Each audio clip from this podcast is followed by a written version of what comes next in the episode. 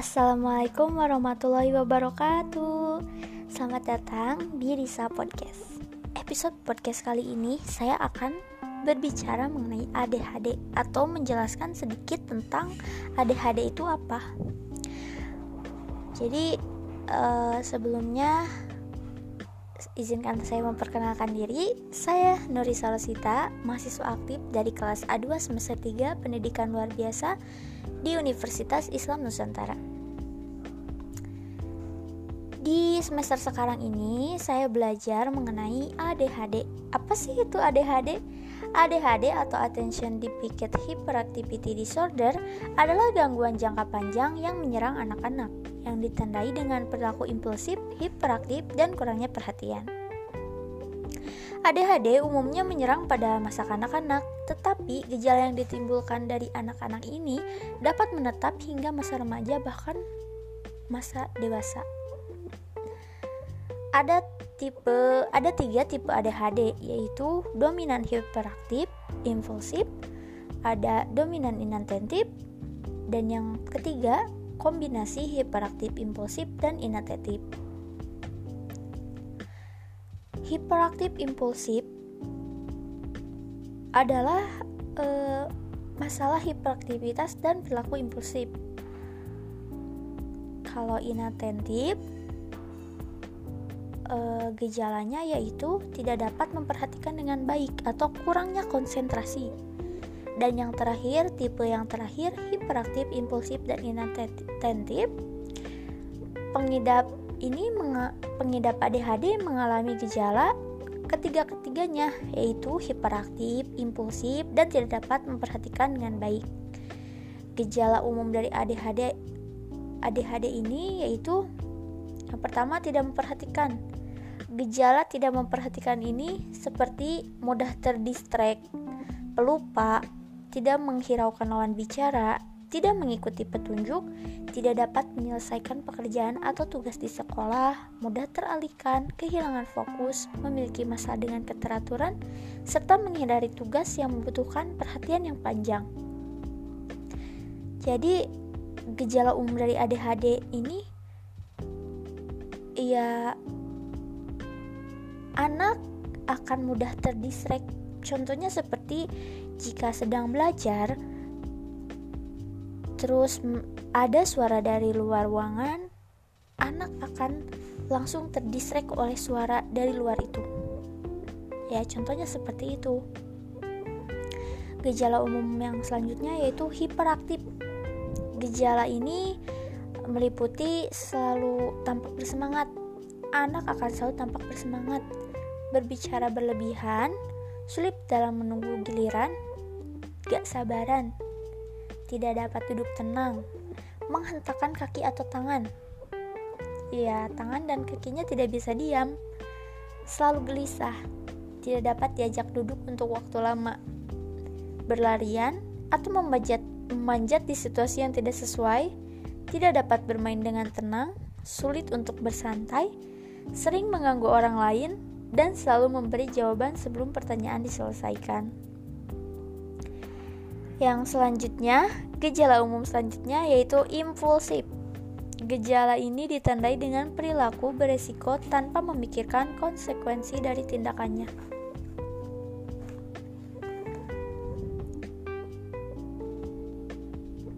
Terus, apa sih penyebab ADHD ini? Penyebabnya memang belum diketahui dengan pasti, namun diduga berkaitan dengan ketidakseimbangan senyawa kimia di dalam otaknya, yaitu neurotransmitter.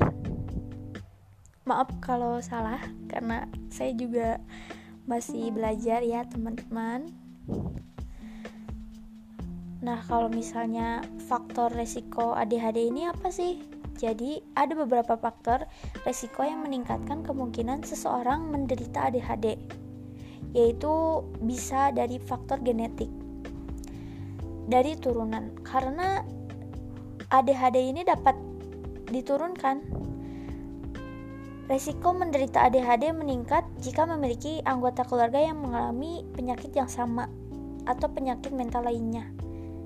Jadi e, dari faktor genetik ini Bisa saja anak ADHD itu disebabkan karena keturunan dari ibunya kah, dari bapaknya kah, bisa saja.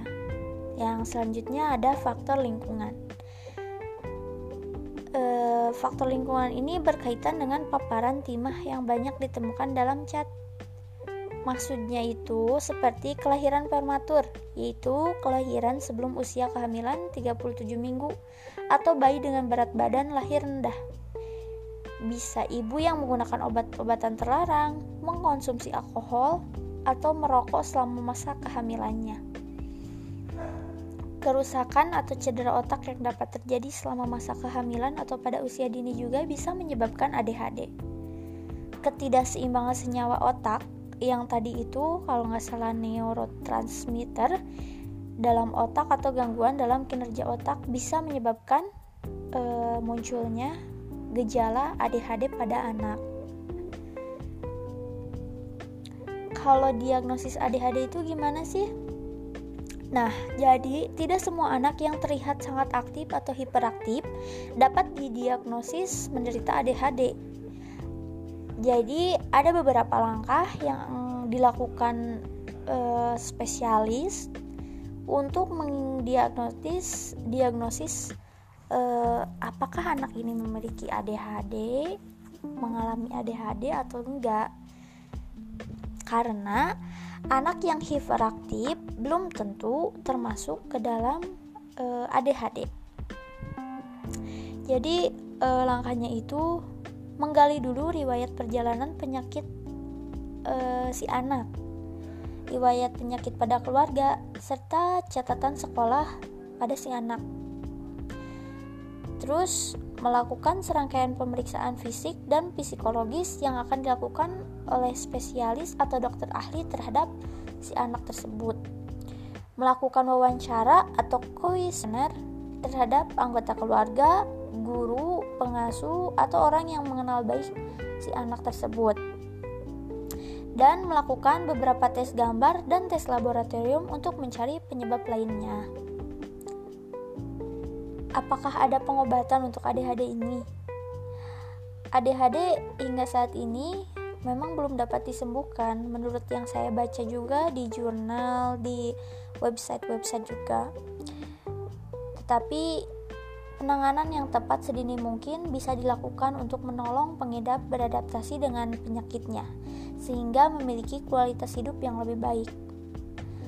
Nah, ada nih eh, yang saya temukan di beberapa website beberapa upaya pengobatan ADHD, yaitu eh, antara lainnya obat-obatan yang umum digunakan untuk mengatasi ADHD. Obat-obatan ini digunakan untuk membantu pengidap lebih tenang dan mengurangi sikap impulsif sehingga dapat lebih memusatkan perhatian uh, ya obat-obatannya mungkin bisa didapatkan jika si anak tersebut di ditangani oleh dokter ahli atau spesialis.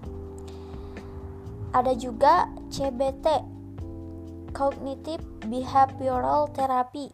Nah, terapi Terapi ini dilakukan untuk menolong pengidap mengubah pola pikir dan perilaku saat mengalami masalah dalam hidupnya.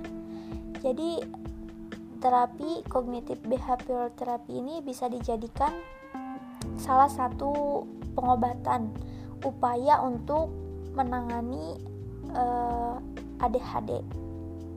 Sedikitnya ya mengurangi lah, mengurangi keadhd si anak tersebut. Yang selanjutnya terapi psikologi Terapi psikologi ini bertujuan supaya pengidap ADHD dapat menemukan solusi, solusi untuk mengatasi gejala penyakitnya. Nah, selanjutnya pelatihan interaksi sosial.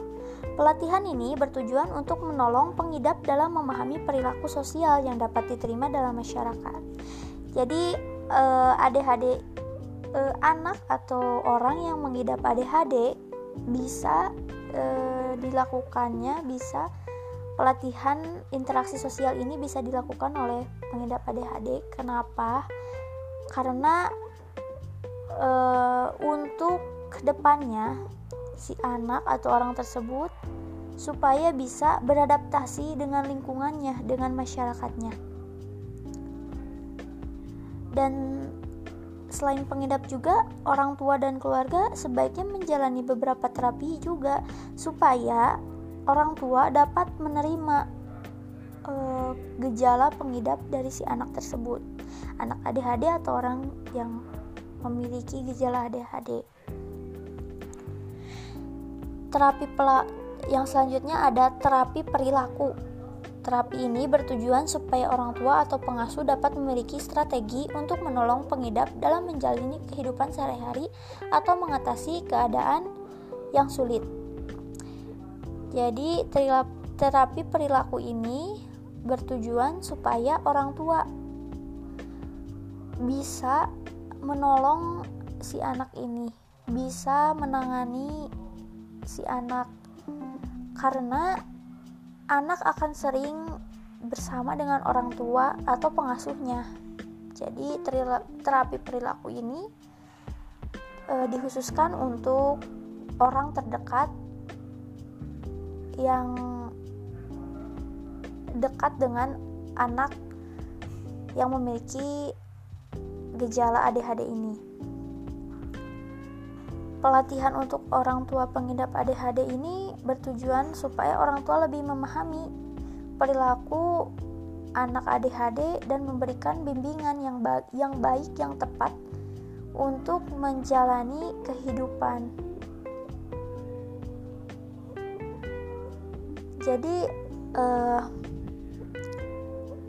anak ADHD itu tidak bisa dibiarkan menurut saya orang tua khususnya karena orang yang paling lama bersama pengidap ADHD harus bisa menangani dengan sebaik mungkin anak yang memiliki gejala ADHD dalam segi membimbingnya dalam memahami perilaku si anak tersebut karena ADHD ini yang sudah saya katakan tadi di awal yaitu anak yang kurang perhatian, bisa jadi kurang perhatian.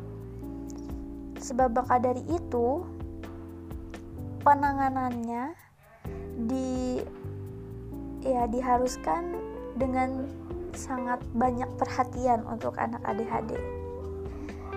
Mungkin eh, sekian yang bisa saya sampaikan paparkan mengenai ADHD ini mengenai uh, attention deficient hyperactivity disorder. Karena mungkin saya masih belajar juga mohon maaf bila banyak salah kata. Terima kasih kepada yang sudah mendengarkan. Dan terima kasih juga kepada dosen saya yang sudah banyak sekali membantu saya dalam membimbing dalam mata kuliah ini, pendidikan anak ADHD. Uh, eh, demikian episode podcast kali ini. Terima kasih sudah meluangkan waktunya untuk mendengarkan podcast ini. Wassalamualaikum warahmatullahi wabarakatuh. Selamat jumpa lagi di podcast selanjutnya.